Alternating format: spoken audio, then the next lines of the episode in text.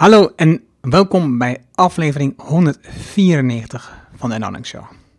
Waar je leert van ondernemers en ondernemende mensen die bijzondere resultaten bereiken, hoe ze hier gekomen zijn, wat ze doen, de strategie en hoe ze klanten krijgen. Mijn naam is Erno Hanning en ik deel mijn opgedane kennis, ervaringen en expertise met jou. Ik coach ondernemers die kennis leveren aan bedrijven om beslissingen te nemen die in hun eigen belang zijn, zodat ze sneller bereiken wat ze willen, terwijl ze meer vrijheid voor zichzelf creëren. Vandaag het gesprek met Danielle de Jonge. Danielle is expert in eigentijdse klantrelaties. Met een praktische en inspirerende aanpak helpt zij professionals en ondernemers om zakelijk onweerstaanbaar aantrekkelijk te zijn. Haar stijl is nuchter, heel erg praktisch en met humor. Ze is spreker, trainer en auteur. Haar vorige boeken Verleid de klant en Human to Human, de nieuwe klantrelatie, werden bestsellers. En dit verwacht ik ook zeker van haar nieuwste boek Extreem Klantgericht. In 2018 richtte zij de sociale onderneming Seeds op. Ondertussen heeft ze daar alweer een team van zeven mensen. En ze is ook sinds enkele jaren voorzitter en mede-eigenaar van Dierendonatie, een crowdfundingsplatform voor projecten van dierenopvangcentra. We spraken af op haar kantoor in Breda. Een mooi gesprek waarbij ik veel aandacht voor het eerste deel uit het boek had: maatschappelijke impact. We hebben het daarbij ook uitgebreid over Seeds en de andere aspecten over wat maatschappelijke impact betekent voor je klanten. Ik ben net terug uit bedrijf, dus het gesprek zit er nog helemaal in. Het was super gaaf en mooi om diep in te gaan op een onderwerp waar ik me op dit moment uh, druk over maak. Dat is niet het goede woord, maar mee bezig ben en ontdek en ook worstel. Hoe ga ik dit goed integreren in mijn leven? Wat ga ik erover vertellen? Hoe ga ik dat organiseren? En zij doet dit al een paar jaar. En het is logisch dat het zo'n belangrijk onderdeel is gevormd van haar boek en ook nu natuurlijk nog haar bedrijf Seeds. En haar boek komt uit op 16 april 2019. Dus ben je op zoek naar het boek, de link staat in de beschrijving van het artikel. En je kunt bestellen via Yubido. Veel plezier met de inzichten van Danielle. Laten we beginnen. Welkom in de Erno Hamming Show. De podcast waarin je leert over de beslissingen om te groeien als ondernemer met je bedrijf. Luister naar de persoonlijke verhalen van succesvolle ondernemers en ondernemende mensen. Dan nu, jouw business coach, Erno Hamming. Erno. We zitten in Breda. Ja. En dit keer zitten we tegenover elkaar. Want uh, we hebben 2 oktober 2015 ook een opname gehad. Dus, nee, iets eerder, maar 2 oktober 2015 was, was die online. Ja. En dat was via Skype. Toen deed ik eigenlijk alle opnames via Skype. En 2015, dat is uh, 3,5 jaar geleden. Ja. Maar gelukkig zagen we elkaar nog wel eens op internet. Ja, ja, ja. maar in die tijd is natuurlijk enorm veel veranderd. Ja. Uh, aan mijn kant. en aan jouw kant ook. Ja. Uh, ik, ik, zat net namelijk de aflevering te beluisteren toen ik hierheen reed. Oh, wat leuk. De vorige aflevering Ja. om even te kijken. Wat hebben we toen allemaal een keer besproken? Ja. En wat kan ik daar nu nog mee doen? En, wat heb je, en, en dan de link leggen met je nieuwe boek, uiteraard. Want uh, daar hebben we het ook veel over. Maar ik ga het ook over je, meer over je ondernemerschap hebben, waar we toen niet zoveel over gehad. Oké, Uh, leuk. Extreem Ja. klantgericht is je nieuw boek. Mhm. En we hebben dat alvast gezegd, niet vergeten. en ehm, wat, wat, mooi was, want toen richtte ik me nog helemaal op coaches. En dus dat was Ja. toen, dat is, dat is echt al een tijdje geleden. Ja, ja, vier jaar geleden. Nu is het drieënhalf, vier jaar geleden. Ja. En het grappige eh, is dat ik dus eh, het laatste jaar met, eh, me helemaal niet meer richt op coaches. En ik me nu echt richt op ondernemers. Mhm. eh, van 5 tot 50 mensen ongeveer eh, die zijn dienst hebben. En wat is er bij jou veranderd? De afgelopen 3,5 jaar. Ja, nou dat is wel mooi, want de vorige keer dat we elkaar spraken ging het denk ik ook alleen maar, nou bijna alleen maar over mijn, eh, mijn boek eh, van Nou, toen. Ook, ook, Ook ook wel over over sales en zo. Precies, Maar het ging ja. niet, niet, en dat, mijn, mijn gesprek heeft zich gewoon veranderd. Ja, ik ben ja. ook gewoon nu Ja. meer aan het inzoomen op de ondernemer zelf. Ja, leuk. En zeker ook Ja, als je met auteurs spreekt, merk ik altijd van... Als ik meer aandacht als ik meer laat zien van de auteur, van de mens... eh, en in mijn, en in mijn geval dan ook bijzonder de ondernemer erachter... Mhm. Dan is het voor de luisteraar makkelijk om mee te verbinden. Ja, En dan, eh, het boek kopen is dan eigenlijk een hele logische ja volgende precies. stap. En doe, het is ook geen reclame voor het boek dit natuurlijk. Nou, Dus dat is het- vind ik dat het het wel. Ja, Het- is- vind ik- alleen maar. Vind ik, nee, nee, maar dat is het ook wel. Ja. Ik ben ook oprecht en het- zo vind ik dat ook. Maar ik, maar ik merk zelf ook als ik luister naar podcast ehm, eh, van onder andere ehm, Timothy Ferris en, en James Mhm. Altucher. Die interviewen best wel veel auteurs, ehm, experts die ook, die ook een boek hebben geschreven. Zo gaat het dan vaak. Dat het veel mooier is om veel te leren over die persoon zelf. Waarom is die hier gekomen? Welke Ja. stap heeft hij gemaakt? En Ja. waarom is hij dan die afslag afgegaan? Ja. En dan denk je, ah, ik wil dat boek gewoon graag lezen. Leuk. Oké. Ja, maar Dus wat er- is veel is er- veranderd. Ja, precies. Nou ja, veel. Ehm, ik, ik zit natuurlijk nog in hetzelfde werkveld, hè, klantgerichtheid, commercie.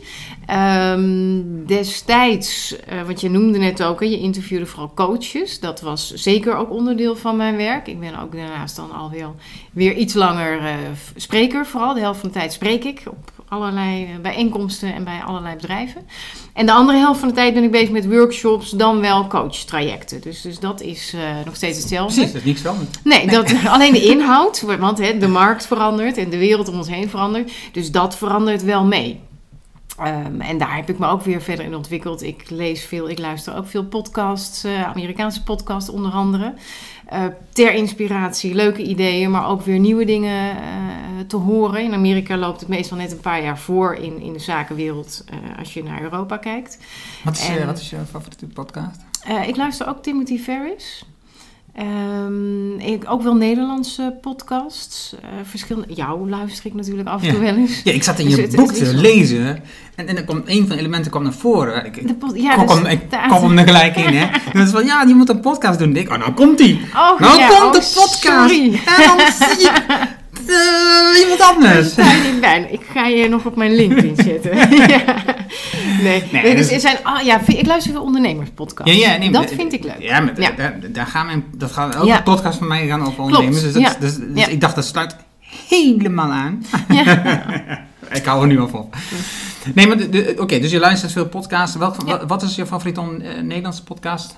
Eh, nou, nee, niet om flauw te doen, maar Nee, van maar- jou nee, luister ik ja, vaak. Nee, andere- precies. En ik luister graag naar Alex eh, Liapo. Dat, die heeft ook hele interessante die noem je in je interviews boek. Ja. Ehm, dat zijn wel de twee Nederlandse, als je kijkt naar ondernemersgerichte podcasts die ik luister. En verder ja, verschillende Amerikaanse. Maar het gaat ook wel over andere thema's, gewoon over zaken doen in bredere zin. Eh, af en toe komt er een keer iets van time management natuurlijk voorbij, vind ik leuk. Ik vind dat ik super efficiënt werk, maar nou ja, je hebt altijd wel weer eens een idee of die inspiratie van, oh zo kan het ook. Ja, dat ga ik eens En over sales dan? Ja, die luister ik minder. Daar lees ik dan weer Want? meer boeken Oh, over. Ik lees graag. Ik, eh, nou, als je het hebt over wat heb je de afgelopen 3,5, 4 jaar gedaan, eh, ben ik ook twee jaar betrokken geweest bij de managementboek van het jaarverkiezing. Zag ik, ja. Eén keer als jurylid, één keer als juryvoorzitter. Nou, dan lees je, ik, boeken. ik schat ongeveer in 80 boeken eh, in een jaar. Eh, ook dus, en dat maakt het wel heel leuk op hele andere vakgebieden. Want een klein deel gaat over marketing, over commercie, klantgerichtheid. En een heel groot deel gaat over management, over duurzaamheid, over noem maar op. Dus het verrijkt je kennis enorm. Eh, dat is ook heel waardevol in mijn werk natuurlijk. Dat ik veel breder eh, blikveld heb gekregen op andere vakgebieden. Maar waar- waarom, waar, we gaan even heel snel dingen nu af. Want waarom besluit je om een jurylid te worden? Nou, de- daar werd ik voor gevraagd. Ja, dat, maar Dus goed, je nog altijd nee Nee, zeggen. dat klopt. Je kunt nee zeggen. Ik lees graag. Ik recenseer ook al, ik denk, tien jaar voor managementboek. Eh, dat zijn wel vaak boeken op mijn vakgebied natuurlijk, want daar heb ik dan een, een nog de- duidelijker mening over dan over vakgebieden die ik minder goed ken. Ehm, en de voorwaarde om in zo'n jury te zitten is ook of je bent auteur of je recenseert al langer. En in mijn geval was het dan beide. Dat je wel echt veel weet en snapt van opbouw van boeken, van schrijfstijlen, van nou ja, wanneer is een boek kwalitatief goed en, eh, en wanneer Ja. is het wat minder kwalitatief. Ja, ja. Ja. Oké. Het, het geeft natuurlijk ook het voor dat je, je eigen boeken steeds beter worden. Ja, jij ontwikkelt ook als auteur. Ja, Ja. zeker. Ik zie ook duidelijk het verschil wel. Eh, En het is leuk, want ik heb nu drie keer met dezelfde redacteur gewerkt via de uitgever, met Eefje. En ehm, dus zij heeft mij drie keer begeleid. En ook zij ziet natuurlijk de ontwikkeling in. En mijn schrijfstijl is mijn schrijfstijl. Ook die verandert wel, want je, je verandert als mens ook. Ja. Ehm, maar dus, en dat is wel mooi om terug te lezen. Ja, Ja. Dat, eh, dat is heel leuk. Oké. Wat ik met ondernemers doe, ik dacht, oh, dat hebben we in de vorige podcast gedaan. Nee, maar toen was ik toen nog niet mee bezig. dat was aflevering nummer 5 van mijn podcast. Nou, de, de- de hele aflevering zag er heel anders uit op dat Ja. moment, toen nog. Maar wat ik nu vooral doe, is ook even teruggaan naar het verleden. Om te kijken, van, waar kom je eigenlijk vandaan? Waarom heb je het zo georganiseerd? En je hebt, ehm, kijk hoor, in 93 tot 97 heb je de HBO-avans gedaan hier. Tenminste, nu Ja. het avans, ik weet niet of Het was toen Hogeschool West-Brabant. Precies, dat is mij net ja. eh, Dat is Hogeschool Enschede, dat heet nu ook niet meer zo. Dus Ja. dat is hetzelfde. En, ehm, en dat deed je bedrijfseconomie. ja, Waar- waarom heb je dat vak gekozen? nou dat komt eigenlijk nog voort uit de HAVO. En toen vond ik, eh, hoe heette dat, handelswetenschappen en economie 1 en, en de wiskunde A geloof ik, of weet het, even hou me te goede. Dat vond ik leuk, daar was ik ook heel goed in. Heb ik een examen in gedaan en op een of andere manier was het dan voor mij toen logisch van nou, dan ga ik daar ook in door in mijn studie. Eh, gedurende de studie dacht ik wel, hmm, het is leuk en interessant, maar ik geloof toch niet dat ik de persoon ben die, eh, nee, ik zeg het even tussen aanhalingstekens, die eh, altijd met de cijfertjes bezig wil zijn. Eh, nou zijn die opleidingen natuurlijk wel iets breder. Je bent niet alleen Ja. maar met de economie eh, bezig. Maar eh, merkte ik ook in mijn bijbaantjes van nou, dat klantcontact is leuk en, eh, en dat soort dingen. Dus ben ik eigenlijk na mijn studie meteen in een soort commerciële functie gerold. Of nou ja, gerold, daar ook wel wat actiever naar gaan kijken.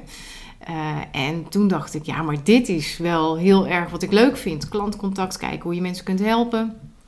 Maar ook daarin komt wel die kennis van mijn studie natuurlijk van pas. Want ik heb niet alleen maar de commerciële opleiding, maar juist breder bedrijfsstructuren en, en al die achtergronden. Want, want die eerste banen die zaten in de werving en selectie, als ik het goed heb. Nou, de allereerste, dat Oh, was, eh, ja, dat was een ontzettend leu- hele leuke baan. was een binnen-buitendienstfunctie. Eh, bij een bedrijf wat Italiaanse designmeubelen importeerde. Dus ik ben sindsdien ook helemaal verpest qua smaak. Want eh, ja, dat was gewoon toen heel erg leuk en nu nog steeds, eh, uiteraard. Ehm, en dat was dus binnendienst met een showroom. Dus daar had je eh, het klantcontact, de winkeliers, de retailers die langskwamen. Maar je kon er ook naartoe door het land heen. Dus eh, daar word je commercieel wel eh, al wel een beetje ingewerkt. Het was een heel klein bedrijf, zat ik ook veel alleen. Dat is dan minder leuk, Ja. zeker voor je eerste baan. Dus daar ben ik na anderhalf jaar weggegaan.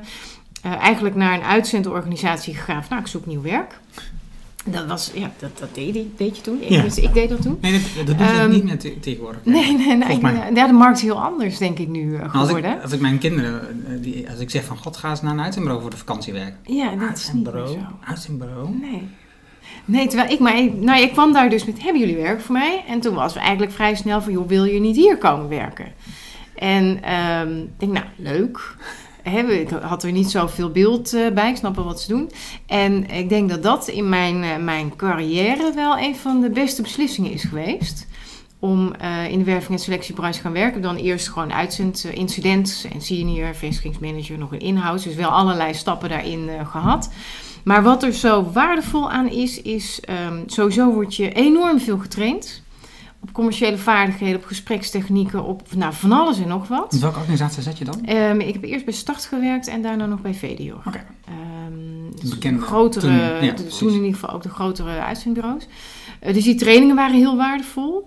En je hebt als, eh, als, eh, als je dus op een uitzendwerving- en selectieorganisatie, zeker op eh, verschillende niveaus werkt, dan heb je aan de ene kant te maken met ehm, de, de bedrijven, de klanten, dus de directieleden of de managers die zoeken personeel. En aan de andere kant zit je in gesprek met de vuilnisman of de schilder of de administratief medewerker of een hoger opgeleide functie. Dus je hebt met zoveel verschillende mensen contact. Dat je, je leert met iedereen schakelen bijna. Hè? Want je hebt hele andere gesprekken natuurlijk met een directeur van een middelgrote organisatie. Of met iemand die zegt, joh, ik wil productiewerk doen. Ja. Dat, en, en dat vond ik ontzettend leuk. Dat je wel dus met iedereen eh, die contact hebt. Daarbij dan al die vaardigheden die je kreeg geleerd en ingetraind. En dat heeft mij echt wel heel ondernemend ook gemaakt. Op mijn ondernemerschap helpen ontwikkelen. Eh, want je moest daar ook maar zorgen dat je je targets haalde. En hoe je deed, ja, dat deed je het. Maar je moest zelf de boer op en zelf bedrijven benaderen. En daar is ook het zaadje geplant voor mijn volgende stap in, eh, in mijn werk. Omdat ik zoveel werd getraind, dacht ik, oh, dat is leuk, want dan kun je mensen helpen. En, en hè, kun je ze helpen ontwikkelen, dat ze beter worden. Dat wil ik ook. Zo ging dat. Dus heel, heel, nou, bijna naïef en ambitieus dacht ik, eh, ik word gewoon trainer. En dan ga je kijken naar die vacatures en denk je, oh wacht even, ze vragen wel erg veel trainerservaring eh, om, eh, om op te doen. Of om te hebben voordat je mocht beginnen. En toen heb ik ehm, een regionaal trainingsbureau kwam ik tegen in een vacature.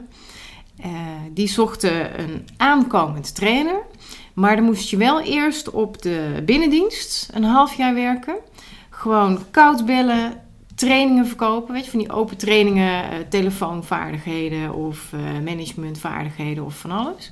En als je dan in dat half jaar een x-target had gehaald, dan kreeg je van hen de trainersopleiding. En toen was koud bellen ook heel normaal. Hè? Zit je gewoon met een telefoonboek voor je neus al die bedrijven af te bellen. Dat was ook weer een enorme eh, stimulans om beter te worden in je vaardigheden. Want je krijgt natuurlijk 99 van 100 keer nee te horen. Ja. Is niet per se leuk, maar je wordt slimmer en je ontwikkelt je daarin. Dus dat was gelukt en daar heb ik de trainersopleiding uiteindelijk gehad. En, eh, en, eh, dus dat is even de korte versie van hoe kwam ik eh, in het trainersvak. Nee, in je opleiding zat ons NIMA. NIMA AD. Ja, klopt. Ja, die heb ik ernaast gevolgd. Dus, dus de communicatiekant van de NIMA. Ehm, ook om te snappen of, of meer te weten van communicatieplannen en achtergronden en doelgroepen en eh, alles wat daarmee te maken heeft. ja. Zoals vanuit die interesse heb ik in mijn werk toen niet zoveel gebruik van gemaakt. Maar ook dat is wel weer omdat het op een bepaald niveau zit van, van eh, denken in het bedrijfsleven. Dat je wat overkoepelender kunt denken. Is het wel heel zinvol geweest. Wanneer besluit je dan en waarom besluit je dan om voor jezelf te beginnen? Nou, er zit een soort eigenwijsheid natuurlijk in mij. Ik denk dat dat bij de meeste Onze ondernemers is. dat is even mijn aanname. Eh, nou, omdat bij het trainingsbureau, dat was ehm, eh, leuk, waardevol, zinvol om te doen. Dat waren, dat, we hebben het nu al wel over 15 jaar geleden ook hoor. Dus dat waren trainingen dat je, nou dan zat je twee dagen in een hotel of een conferentiecentrum met twee trainingsdagdelen. En mensen vonden het leuk en enthousiast. En de lunch was natuurlijk helemaal fantastisch. Iedereen helemaal los op de buffetten. En dan was het klaar, na twee dagen of na drie dagen. En dan kwam je na een maand of na twee maanden bij zo'n bedrijf. Nou, en hoe is het? Wat hebben jullie gedaan? Ja, druk. En eh, ja, we hebben er niet zoveel mee gedaan. Of het eh, in de waan van de dag. Nou, je, je kent hem vast en zeker. Denk ik, ja, maar dat is zonde. Je investeert tijd en geld. En, en ik vind het hartstikke leuk. En dan vervolgens wordt er niks mee gedaan. Hè? Even heel gechargeerd gesteld. Ja. Eh, dus dat vond ik jammer, dat het van die hele korte fragmentarische trainingen waren. En ik miste, want dat kwam toen al wel een beetje in opkomst, voor de jongere luisteraars onder ons internet kwam ineens. Ehm, en er, er zat geen online eh, deel in. Het was, waren echt van die mappen met, nou, ik lieg niet, van die dikke ordners met trainingsmateriaal. Wat nog steeds heel zinvol is om naslagwerk te hebben. Maar je kon ook dingen met filmpjes en zo. Maar dat werd niet zo gedaan. Dus dat miste ik. Nou, daar kwam dan de eigen wijsheid naar boven. Dat ik dacht, volgens mij kan het trainen anders. Zodat je veel meer bereikt. Als je het niet in twee dagen doet, maar je verspreidt het. En je kunt veel meer online al doen. Nou, dat is in de afgelopen twaalf jaar dat ik ondernemer ben natuurlijk eh, gigantisch veranderd. Ja. Ehm, dus zodoende heb ik daar, ik denk, drie jaar gewerkt, drieënhalf jaar. Totdat ik dacht, nee, dit kan. En dat komt ook bij zo'n trainingsbureau, maken ze kleine ondernemers van je. Want ook daar, je krijgt je target mee en succes. Ja, dat weet ik niet. Jij zegt dat nu, maak ze klein ondernemers van je. Er zijn genoeg mensen die ik ken en meegewerkt heb, eh, die trainer zijn bij zo'n die eigenlijk helemaal niet ondernemend zijn. Nee. nee, dat is waar. Want je hebt ook gewoon de mensen die alleen heel, of nou ja, alleen dat klinkt onaardig, maar die heel erg goed zijn in hun vak en dat trainen. Dus waarschijnlijk zit het ondernemende bij mij er ook gewoon in. Dat denk ik wel. Dat is denk ik wel. Ja, dat heb, nou, dat? dat is waar. Ik help natuurlijk ook veel mensen om commercieel te ontwikkelen nu. En je komt echt wel mensen tegen die, die hebben het niet. Hè? Dat, dat, dat gevoel, de sensitiviteit voor klantgerichtheid of voor, voor hoe je je gesprek Helemaal voert. niet. Nee. En, gaan, niet. gaan ze ook nooit in leren. Nee, dan soms merk je ook van ja, ik snap dat je dit heel graag wil, maar overweeg of je dit echt wil. En dat is dan niet onaardig, want iemand Nee, nee. wordt er zelf ook niet Nee, gelukkig van. En, en het bedrijf uiteindelijk ook niet. Ja. Dus dat is hartstikke zonde. Dus ja, ik heb waarschijnlijk zit het ook in mij. Ehm, maar goed, dan moet je nog steeds wel je skills op orde hebben. Wil je een, een goed bedrijf Ja, dat, maar, maar- Ja. dan heb je dus ondernemers, zelfstandige trainers, en die, Ja. En die trainen dan bij eh, zeg maar, tien verschillende bureaus of zo. Ja, oh ja, de freelance trainers. Ja, klopt. En, Ja. en en die kunnen eh, trainen, dat is- staat vast. Ja. Maar ondernemend zijn ze eigenlijk niet. Nee. Dus ze gaan liever Nee. eh, de werving overlaten aan een bureau en accepteren dan een veel lager tarief. Want die bureaus die doen niet anders dan natuurlijk dan die trainers uiteindelijk steeds meer Ja. aandraaien. Ja. En, en zeker vandaag met al die online componenten wordt de training ook goedkoper. Ja. En dus moet de trainer eh, het ontgelden. Ja. Dus in ieder geval, ehm, zoals ik het van afstand eh Ja, zie ja, ik denk dus ervaren. zeker dat het een groot verschil is of je zelfstandig trainer bent of freelance Ja, trainer. precies. Ja, Ja, absoluut. ja. Ja. Nou, en jij bent super duidelijk een zelfstandig Ja. trainer. Ja, ik heb ooit wel freelance werk gedaan voor één of twee eh, bedrijven, tien jaar geleden denk ik inmiddels. Maar dan moet je ook, dus komt hij weer, dat, dat gezonde eigenwijze, eh, trainen wat zij bedenken. Ja. En Terwijl ik denk, nou, maar ik weet nog een andere leuke oefening. Maar dat mag dan niet. Dus die vrijheid mis je dan eh, Ja. daarin. Want- En je bent nu 16 jaar ehm, eh, trainer. Ja, Oh. zoiets. Ja. Nou, niet zoiets. Ja, nee, dat klopt wel. eh. ja. Ja, Jij hebt de datum in je hoofd zitten. Ik heb dit allemaal uitgezocht. Ja, heel En st- sterker nog, het staat in je boek. Ja, ook, precies. Dus, dus ook, ook dat, dat. nog. Ja. Maar, en, en je bent 12 jaar ondernemer. ja. Ehm, wat is het, wat, is het wat, wat, je, wat je het meest leuke vindt in die 12 jaar? Wat je hebt geleerd als ondernemer? Ehm, de, het realiseren dat je het echt voor 100% in eigen hand hebt, of het lukt of niet. eh, om je onderneming goed neer te zetten. Daar wel nog even de kanttekening bij waar we het net over hadden. Hè, dat je wel het ook in je moet hebben. Als je, als je het gevoel niet hebt, dan, dan wordt het lastig. Maar dat je invloed hebt op alles wat je doet. Dus of je leuk werk hebt of niet leuk werkt. Of je leuke klanten hebt of klanten waar het wat moeizamer mee loopt. Daar heb je echt zelf invloed op. Is, is dat ook niet zo als werknemer? Eh, hoe bedoel je dat? Nou, als werknemer heb je toch bepaal je toch ook eigenlijk of je een leuke dag krijgt. Of of je leuk werkt Als of het goed niet. is wel. Ja, ja. vind ik in ieder geval wel. Ja, dat is wel leuk dat je dat zegt. Ik haal in mijn boek een, eh, een onderzoek aan. Dat hebben ze wereldwijd gehad, maar ook over Nederland eh, hebben ze eh, uitgezocht hoe blij zijn medewerkers nou met hun werk. En dat is echt maar iets van 12% van de Nederlandse medewerkers, of werknemers, is echt super blij met zijn of haar werk. Ja. Dat ik, ik dat onderzoek nog maar eens heel goed ben gelezen van klopt het echt, maar het klopt echt. En dan zijn we niet eens de slechtste van eh, Europa. Ja, en het is, natuurlijk, Dus ja. het is natuurlijk een beetje overtrokken. Dus 12 die echt, die, e- die echt gelukkig zijn. En de anderen die zijn matig gelukkig. Of, Ja, eh, of ronduit niet blij, maar goed, Ja. dat, dat is ook Maar- een keuze. Want je kunt weg. Precies, dat denk Ja. ik ook altijd. Dat. Die heb je in eigen hand. Je kunt gewoon een andere baan zoeken. Ja. En, en de economie telt daar eigenlijk, speelt daar eigenlijk nauwelijks een rol in. Dus of je het wil of niet, Ja, het is het belangrijkste wat het telt. Ja. Hetzelfde is als ondernemer. Als ondernemer, als het niet goed gaat met je bedrijf, kan je zeggen dat ligt aan de economie. Ja, Nee, elk moment van de economie is er altijd ruimte exact. om dingen te ontwikkelen. Ja. ja. Wat is dan nu, want dat was het, wat je het leukste vindt, hè, dat je daar Ja. grip op hebt. Wat is nu in die twaalf jaar waar je zegt, dat is eigenlijk het minst leuk aan ondernemen? Ehm, oh, dat is heel lastig, want ik vind ontzettend veel wel heel leuk en goed geslaagd als ondernemerschap eh, bekijkend. Ehm, oh, dit is echt een hele lastige. Het minst leuke. Nou, misschien wel dat je. ehm, ik werk wel zelfstandig, heb wel een team inmiddels om me heen die die dingen uit de handen nemen. Maar in het begin moest je echt alles zelf doen. Want dan ben je ook nog klein en heb je minder te besteden. En dat je dan dus in de valkuil stapt dat je, nou ja, 60, 70, 80 uur zit te werken en, en alles maar probeert. Dat was destijds wel het minst leuke. Al mijn, mijn hele boekhouding en al dat soort dingen. Nou, eh, ook al heb ik bedrijfseconomie gestudeerd, dus niet mijn, mijn, mijn eh, favoriete werk, doe ik dus ook niet meer. Doet nu iemand anders. Ehm, dat, dat je echt wel, ehm, als het zo even uitpakt, alles zelf moet doen. Hoeveel uur werk je nu dan per week? Nou, dat is een hele goede vraag, want ik heb inmiddels twee bedrijven, dus dat is weer anders. nee, dat is zo belangrijk. Net zei je, nou, ik denk ehm, nog steeds wel zoiets hoor, 60 uur. Maar de dingen die ik echt niet leuk vind of die anderen veel beter kunnen, die doe ik niet meer. En dan maakt dus dat ik die, die 40, 50, 60 uur bezig ben met de dingen die ik echt heel leuk vind en heel goed kan. Oké, wat, voor, wat voor een team heb je omheen verzameld? Hoeveel mensen en wat doen ze? Ja, sowieso dus de financiële hulp en ondersteuning. Ehm, iemand die eh, helpt met ehm, eh, het digitale, dus dingen op de website zetten, nieuwsbrief versturen, de, sommige social media posts, maar gewoon een post over waar ben ik mee bezig, doe ik zelf. Dat vind ik veel te leuk. Eh, maar, maar dus de, meer de artikelen plaatsen op LinkedIn bijvoorbeeld. Eh, dus dat, dus mijn, mijn online eh, steun en toeverlaat, zou je kunnen zeggen. En nog wel iemand ook in de back-office. Uh, die regelt alles met klanten. Dus stel dat ik ergens een lezing geef, dan komt er altijd de vraag: wat heeft Danielle nodig? Werkt ze met haar eigen laptop? Wat voor microfoon wil ze?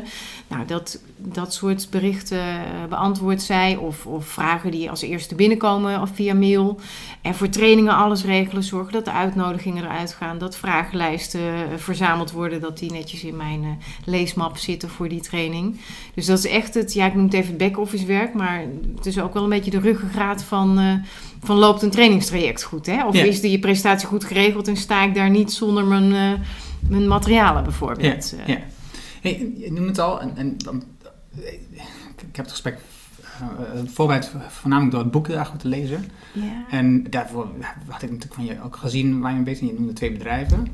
En daar wil ik het uitgebreid over hebben, want ik vind het een super spannend uh, okay. en interessant verhaal. Ja. Um, het tweede bedrijf. Maar even, even trek je nog even terug naar de mm. trainingen. Want hoeveel trainingen per maand geef je nu? Nou, ik werk, uh, ik denk uh, bij klanten gemiddeld vier dagen per week. Twee dagen per week lezingen, twee dagen per week trainingen. Dus even wow. grofweg, hè. Dus het is de helft van mijn tijd geef ik lezingen, de helft trainingen of workshops. Um, Daarbij is ook de trainerswereld zo dat je in juli en augustus zeg maar een rustige sabbatical kan nemen. Want dan gebeurt er niks in het bedrijfsleven. Dus dat maakt ook wel weer de balans uh, December, januari. Ja, half december, half januari zijn ook uh, de periodes dat je nou ja, tussen de kerstballen kunt duiken en, uh, en niet heel actief hoeft te zijn. Dus als je het dan zo rekent, werk je eigenlijk maar negen maanden per jaar. Maar dat ja. is natuurlijk niet helemaal zo. maar dat is gemiddeld, is dat, um, dus ben ik twee dagen per week workshops aan het geven. Ja, dus twee dagen lezing. Ja, en twee dagen. Ja, klopt. Dat is best veel. Ja, dat is best veel. Dat is ook echt wel intensief, maar wel heel... Um, ja, het is ook heel leuk natuurlijk wel. Dus dat maakt niet dat ik denk, oh, ik moet deze week uh, hier naartoe, daar naartoe, oh, nee, nee, naartoe, zo. Dus nee, dat, is, nee, dat snap ik. Maar, maar, dan, maar dan ja. nog is het gewoon... Het, het, het, het is wel veel. Ja, ja klopt. Ja. Veel uren. Ja. Oké, okay, uh, tipje van de sluier. Want de, je tweede bedrijf waar je aan werkt, dat heeft iets te maken met vegan. Ja, met, um, uh, het komt eigenlijk voort, nou het komt vanuit verschillende dingen voort. Ik wilde ook meer met maatschappelijke impact doen, vind ik belangrijk. Dat is met mijn trainingsbureau wat lastiger. Hè. Ik kan in een groene auto rijden en ik kan hele sociale dingen doen. Uh, als je het over duurzaamheid bijvoorbeeld hebt. Um, maar je merkt dat er een heleboel uh, vragen zijn, een hele grote beweging is om uh, iets aan het milieu te doen als bedrijf zijnde.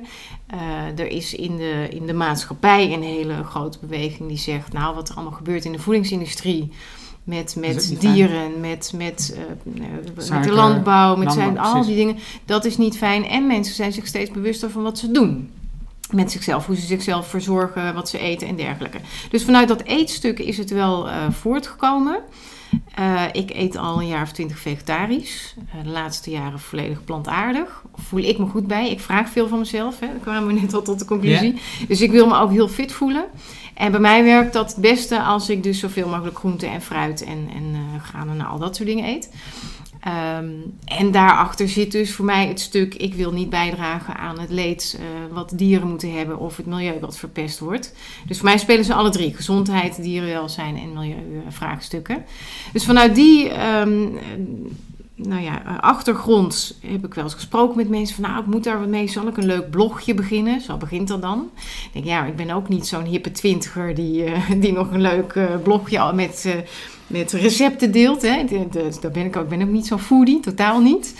Uh, maar ik dacht, ja, maar ik, mijn netwerk en mijn, mijn wereld zit in het zakenleven. En die worstelen ook met de vraag van wat gaan we doen aan milieuvraagstukken. En hè, we merken van onze medewerkers dat ze vragen om meer plantaardige gerechten in een bedrijfsrestaurant. Want ze komen vanuit allerlei culturen bij, uh, bij grote bedrijven. Of ze zijn bezig met vitaliteitsprogramma's binnen organisaties. Dus toen heb ik het uh, bedrijf nu ongeveer een jaar geleden opgericht. Seeds. En um, waar we mee helpen is dus die, um, ja, je kunt het de eiwittransitie noemen, of in ieder geval bedrijven helpen met het verkleinen van de milieu-impact. Uh, door veel meer te doen met plantaardige voeding. Ja. In bedrijfsrestaurants, en als je geen bedrijfsrestaurant hebt, kun je nog wel je mensen inspireren om daar wat meer naar te kijken. En in feite doe ik hetzelfde als wat ik bij mijn andere bedrijf doe. Ik geef lezingen en ik geef workshops, maar dan over een ander thema, wat een heleboel impact heeft op de wereld, om het maar even zo te zeggen. Oké, okay, dus je geeft lezingen en workshops. Ja. Ja. Eh, dat valt onder die vier dagen. Of is het er Nou, bovenop? ja, dat is er eigenlijk nu bovenop gekomen. Want ik had ook, ik heb het een jaar geleden opgericht. Toen eh, begon ik in mijn eentje. We zijn inmiddels met een team van zeven. Oké, De, de markt is enorm aan het veranderen daarin. Dus we hebben een aantal auteurs. We hebben een platform met allerlei achtergrondartikelen. Dus daar zi- zitten een aantal mensen op. Ik schrijf zelf ook veel daarvoor. Eh, en we hebben twee mensen die de zakelijke markt eh, benaderen. Eén benadert echt en, en voert gesprekken. En ik geef dan de lezingen en de workshops. En nog een partner die we inschakelen als het gaat over het berekenen van de milieu-impact die ze kunnen hebben. Dat is heel ingewikkeld en technisch. Eh, dus het komt er inderdaad nu wel bovenop. Ja. Maar dat, het gaat heel snel, dat wil ik zeggen, de maatschappij, de markt verandert heel erg. Eh, je leest in kranten erover, we zouden iets op onze voeding moeten letten en al dat soort dingen. Dus de vraag komt ook vanzelf. Ik heb amper iets gedaan met veel zichtbaarheid wat dat dan gaat. Niet actief gedaan, maar via Google komen de aanvragen wel binnen voor lezingen. heb je niet het gevoel... Nee. Laat ik het anders zeggen. Ik heb het gevoel dat het vaak window dressing is. Het is een beetje à la Shell die zegt, we hebben nu, dierlijke, we hebben nu dierlijke lunches. Of nou, in AMRO ja. hebben dierlijke eh, lunches. Weet je, en aan, de ene kant eh, vernietigen ze de, de, de milieu, het milieu met boringen en, en een dingetje. En nou, in AMRO die investeert in eh, plekken waar je niet zou willen. Ja, En tegelijkertijd, eh, om de schone schijn te houden, zegt ze: Kijk nog hoe fantastisch we zijn. We doen aan, dierlijke, of aan dierlijk vrije eh, lunches. ja. Plantaardige. Ja, Ja, ja, dat- ja. dat Hoe wordt wilt, ja. plantaardige lunches. Ja, ja. Hoe, hoe, hoe, hoe- voel jij dat? Nou, wat, maar ik kan natuurlijk het vooral zien bij de bedrijven die ik spreek. En daar is de intentie wel echt dat ze er iets aan willen doen. En niet ieder bedrijf kan zijn hele bedrijfsproces meteen inrichten en, en volledig milieuvriendelijk en, en eh, dat soort eh, dingen beetpakken. En dit is een van de stappen om. Eh, en je ziet ook wel, nou, je noemt ABN AMRO als voorbeeld, die zijn ook wel op andere manieren weer bezig met duurzaamheid. Hun hele pand, eh, het hoofdkantoor is duurzaam. Ze hebben Circle eh, ernaast gebouwd, volledig duurzaam. Dat dragen ze ook uit naar ehm, hun klant, hè, van leer van ons. Dus ja, aan die kant zijn ze heel goed bezig. En ze investeren ongetwijfeld ook in allerlei dingen, want dat lees ik natuurlijk ook, die wat minder eh, jovel voor de wereld zijn. Maar ik denk ook dat het een omslag eh, is. Je kunt niet in één keer alles anders doen. Dus bouwen ze het langzaam op. Wat je wel ziet is dat ehm, klanten, trek me even heel breed, de meerderheid van de klanten verwacht van bedrijven dat ze iets terug gaan doen voor de maatschappij, voor milieu, voor sociale vraagstukken. Dus dat gaat wel gebeuren. Ja, Uh, Ja. en, en dit is dan ook een hele urgente vraag die er speelt als je het hebt over voeding. Omdat die van allerlei kanten wordt aangevlogen. Milieu, uh, de misstanden in de vee-industrie en het gezondheidsaspect. ja kijk, ik, ik merk zelf hoe ingewikkeld het is. Hè? Dus, Ja. dus, en het is niet alleen iets wat, wat, wat je net beschrijft, dat, dat ik denk van, ja, is dat werkelijk wel intentie of is, of is het Ik gewoon denk een dat schijn? dit heel vaak wel intentie In ieder geval dit stuk dan. Ja, dat snap dat, ik. Dat denk En, ik wel, eh, ja. ik, heb, ik heb het zelf ook. Ik, ik heb de intentie om vegan te zijn. Maar het lukt niet, nog. Waar komt dat door? nou, omdat ik in een gezin zit. Oh ja, eh, ja. Die daar totaal niet in bezig zijn. En, Nee. en vooral twee kinderen die al volwassen zijn, die thuis wonen. Die vinden gewoon dat er vlees moet in. Vooral onze zoon heeft het heel erg. Ehm, en v- voor mij hoeft, hoeft het niet. Nee. Weet je? En, en dus is het niet eenvoudig. Ehm, en, er zijn, en er zijn heel wat momenten dat ik ook worstel met de zuivel of zo. Ga ik daarmee om. Ik, ik, ik eet geen eieren meer eigenlijk Nee. nauwelijks. Eh, ik doe in ieder geval niet een ei meer zeg maar, voor mezelf bakken of koken Nee, of nee, nee, dergelijks. ja. Maar ja, soms zit het natuurlijk ergens in. En, Ja. en dan ben ik, niet, eh, ik ben dan niet zo, denk ik, oh nee, dat ga ik niet eten, want er zit ei Nee. in. Nee, dat, zo, zo graag ik niet. Nee. Ehm, eh, even een linkje met je boek, want eh, en- en, eh, ik ga zo verder, maar ik wil even laten zien waarom je hier ook mee bezig bent. In je boek komt het duidelijk terug. Hè? Je hebt het over de drie elementen, maatschappelijke impact, commerciële slagkracht en waardevolle eh, klantrelaties. Ja. Met name het eerste deel, maatschappelijke impact, dat gaat hier erg veel over. En dat is ook een super interessant deel van het boek. Wat mij betreft een van het, het meest interessante deel van het boek, omdat, het, omdat Ja. het zo ehm, anders is dan je gewend bent, laat ik het zo zeggen. Omdat het zo, ook omdat je openlijk schrijft over vegan en geen leer en eh, je tas staat hier eh, en, en je schrijft over de tas die je weggeeft en Duurzaamheid, daarin en, en de, de misstanden in de, in de leerindustrie. Ehm, en en dat, daar lees je niet veel over op dit moment. En natuurlijk wel als je in de wereld zit. Je zit er Ja, middenin, dan lees je, als, je in de vegan wereld zit, zeg maar, dan, Ja. dan, dan lees je, ik, ik heb de video's die jij noemt in het boek, eh, die je op YouTube kunt volgen, rotten en allemaal dingen. Ja, ja, Ja. over de Ik voedselverspilling. heb Ja. veel gezien daarover, hè, eh, over eh, de voedselverspilling, maar ook over, over Plastic. de- de- ja, dieren, plastic, afval, eh, noem het allemaal op. Ja. Ehm, en het zijn heel ingewikkelde kwesties omdat ze zo, zo moeilijk. Ehm, eh, neem geen, gebruik minder plastic. Nou, wat gebruik je dan wel? Ja, een papieren zakje. Maar als je een papieren zakje neemt, is, is het eigenlijk slechter voor het milieu dan een plastic dingetje. Ah, wat moet ik dan wel nemen? Weet je, het is, het is, Het is heel het is- complex. ja, het is heel Ja. complex. Dus als je, Ja. als je die calculatie wilt uitvoeren, Ja. eh, ook dat is super ingewikkeld. Wat, is nou het, wat is nou de impact van ehm, eh, dit glazen kopje op een plastic schaaltje?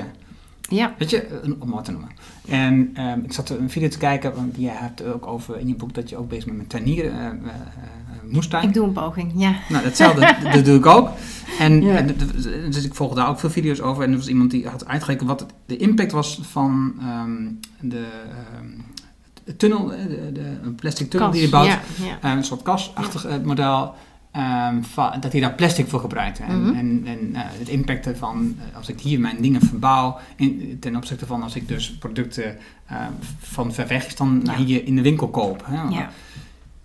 Je moet met zoveel dingen rekening houden. Het Ja, is zo dat is ingewikkeld. Nee, Nee, het is echt. nee. Nee. En- Nee, je kunt het nooit helemaal goed doen, is mijn overtuiging. En het, dat is ook waar we met Seeds gaan we niet zeggen, nou iedereen moet plantaardig eten. Hè? Dat, dat zou mooi zijn voor de wereld, maar we zijn ook heel realistisch. Ja, Ehm, maar ik denk dat alles wat je bijdraagt, al doe je maar de Meatless Monday in je gezin, ik noem eens wat, hè, dat hoor ik dan wel eens zo van, eh, van bekenden in mijn omgeving. Dat scheelt ook al een heleboel. Op watergebruik, op landverbruik, op, Ja. eh, op, op en nou ja, de dieren dan eh, uiteraard.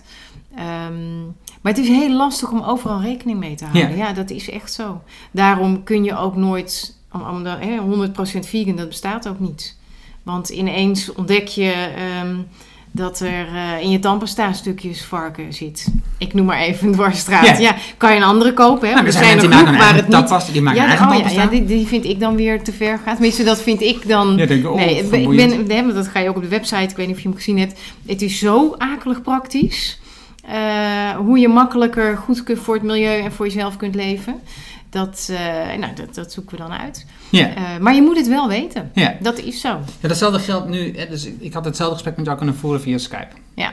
En toen waren we, eh, had ik de, de kosten van Oh ja. milieubelasting van de autorit zo allemaal eh, niet gedaan. En alle Nee. dingen niet gedaan. Nee. Ehm, en, eh, maar dan denk ik, nee, dit eh, het gesprek wat ik nu met je voer, ehm, fysiek hier aanwezig zijn, heeft een veel andere impact, eh, gevoel, dan Ja. dat ik dat via Skype doe. Ja. En wat wil ik? Ik wil ehm, A, heel veel leren in het gesprek van mezelf, maar B, ik wil ook deze kennis delen. Dus, dus Ja. ik wil mensen bekendmaken met wat jij te vertellen hebt. En, en in mijn optiek gaat dat beter als ik je persoonlijk spreek en dat verhaal met meer passie naar buiten krijgen. En ik, ik weet onderhand dat dat gewoon heel anders klinkt. Ja. Ja, en dat betekent dus eh, meestal één keer per Ja. week eh, in de auto op weg Ja. naar iemand een podcast te doen. Ja. ja, en ik denk ook dat het, eh, het gevaar is het stempel wat mensen die met klimaat bezig zijn, of met anders eten, of met plastic, of noem maar op, dat er heel snel een beeld ontstaat dat dat heel dogmatisch is. Hè? Dat je dus elk plastic zakje met, met, met afgrijzen beetpakt en, en al dat of wat jij zegt, als je een koekje hebt waar dan wel ei in zit, dat je dan denkt, oeh, dat wil ik niet. Ja, dat werkt niet. Dat, daar zijn we ook als maatschappij nog lang niet op ingericht, als dat al überhaupt een keer gaat gebeuren. Dus ik denk dat je, maar dat, dat is dan mijn eh, standpunt daarin, hou het vooral praktisch en werkbaar voor iedereen. En mij lukt het heel goed om zo te leven. Hè? Dus dat ik geen dierlijke producten gebruik, daar ben ik ook wel even mee bezig. Dat is ook de reden dat ik die kennis deel en een heleboel praktische Ja. tips in een Want lezing hoe- geef. hoe- jij, 20 jaar ben je eh, eh, vegetarisch? Vegetarisch, ja. Eet je vegetarisch? Ja, ja. Ehm, wat- hoe, hoe lang voor jouw gevoel ben je er met bewust mee bezig?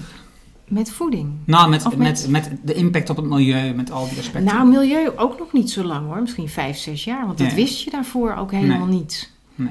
Ehm, nee, nee, geen idee. Dus ook, maar ik rij ook auto. Ja, zeker. En ehm, ik ben ook niet van de minimalistische leefstijl dat ik nooit iets koop. Ik shop me ook niet suf. Integendeel zelfs. Daar heb ik ook een hekel aan aan winkelen. Dus dat helpt wel Oh ja, mee. dat helpt voor mij ook. Dat Ehm, verschrikkelijk.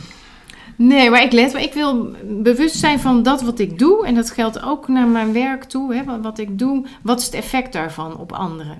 En ik wil niemand kwaad doen. Hè? Dat is dan mijn basishouding. Ja. Mijn kernwaarde is, ik wil niemand kwaad doen. Nou, dat, dat gebeurt natuurlijk af en toe best wel. Ja. Ja. En wat dan ook. Hè? Ja. Of je dan iets koopt wat ongeluk door eh, kinderen is gemaakt. Ja, ja dat gebeurt. Het is meer het is haast een boeddhistische inslag. Ja, ja. Dat, zo had ik hem nog niet bekeken, maar daar zitten wel raakvlakken, denk ik. Ja, Ja. ja. Nou ja, precies. Ik wil niet dat voor de dingen die ik leuk vind om te doen, dat een ander het daar minder door heeft. Nee, precies. Nee, maar, goed, eh, ja. eh, Pieter van Os. ken Ja, toevallig? van naam ken ik. Ja. Hij heeft een- ook een nieuw- boek. ehm, eh, hoe heet het nou ook alweer? Betekenisformule, de betekenisformule. Oké. Precies. Ja. Dus even de goede ja, titel. betekenisformule, Ja. Ehm, ik zal een link naar eh, de, de, we podcastopname van Pieter ook in de show notes doen. Eh, en eh, en nou, ik zie daar zoveel vergelijken mee. Hoe hij betekenis ehm, Ja. inbouwt in een bedrijf. Om ervoor te zorgen dat je niet alleen impact maakt financieel, economisch gezien. Voor Ja. jezelf in je eigen portemonnee als ondernemer. maar ook nadenkt wat is de impact. Nee, ze, moeten, ze horen bij elkaar. Ja, het absoluut. een kan niet zonder het, zon, eh, Nee. zonder het ander. Als je alleen maar kijkt vanuit de impact. Wat is de impact van mij op de maatschappij? En je verdient te weinig, ehm, dan kun je niet leven. Nee, dan Dus wordt het lastig, hè? Dus dan Ja. gaat het dus Ja. niet. Dus die twee horen Ja. bij elkaar. Ja, en daarom zit hij ook in mijn boeken. Want jij noemt hem net, dat die formule van extreem klantgericht, één onderdeel daarvan is die maatschappelijke impact. En ja, je moet wel je commerciële slagkracht op orde hebben, anders krijg je je producten of je diensten niet eh, verkocht. En je wilt je klanten ook nog wel blijven vertroetelen, anders dan heb je een hele korte klantrelatie. Eh, maar omdat de roep zo duidelijk is vanuit de, de klantenkant. Van joh, bedrijven, wij verwachten dat jullie iets gaan doen aan impact. En of dat nou de sociale impact is, hè, dat je dus voor mensen in je omgeving iets goeds doet, of die ecologische impact. Daar maak je je keuze in als bedrijf. Het een is makkelijker in te vullen dan het ander. Ehm, maar het is wel een feit. Je hebt ook de klant, het klantvriendelijkste bedrijf van Nederland als prijs, wordt elk jaar uitgereikt. Een van de zeven punten waar ze op, eh, op beslissen of een bedrijf die prijs krijgt, is wat doen ze aan maatschappelijke impact. Dus doe je niks, ga je de prijs nooit winnen. Even heel eh, kort door de bocht gesteld. Maar, maar, maar worden, dan, worden die bedrijven dan gedwongen door de markt? Of, is, Ja, of, hebben, ze, interessante of hebben ze een, een, een, Ja. een intern gedreven iets? Ik denk beide. Ik denk dat als jouw klanten heel duidelijk aangeven: doe iets aan een bepaald probleem en je luistert niet, dan ga je je klanten verliezen hè, op een gegeven moment. Dus dat kan extern komen, maar je ziet ook wel echt veel intrinsieke motivatie. Want iedereen die ergens werkt is ook gewoon mens en burger en consument.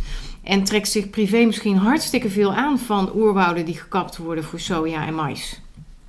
Dus die gaat kijken, wat kan ik daar misschien vanuit mijn werk aan doen? Kan ik inkopen bij bedrijven die daar niks mee te maken hebben? Of, hè, of zonne-energie, wat kan ik daarmee doen? Of zorgen dat inderdaad kinderarbeid uit mijn productieproces aan de voorkant in de keten wordt teruggedrongen. Je ziet dat heel mooi met koffie.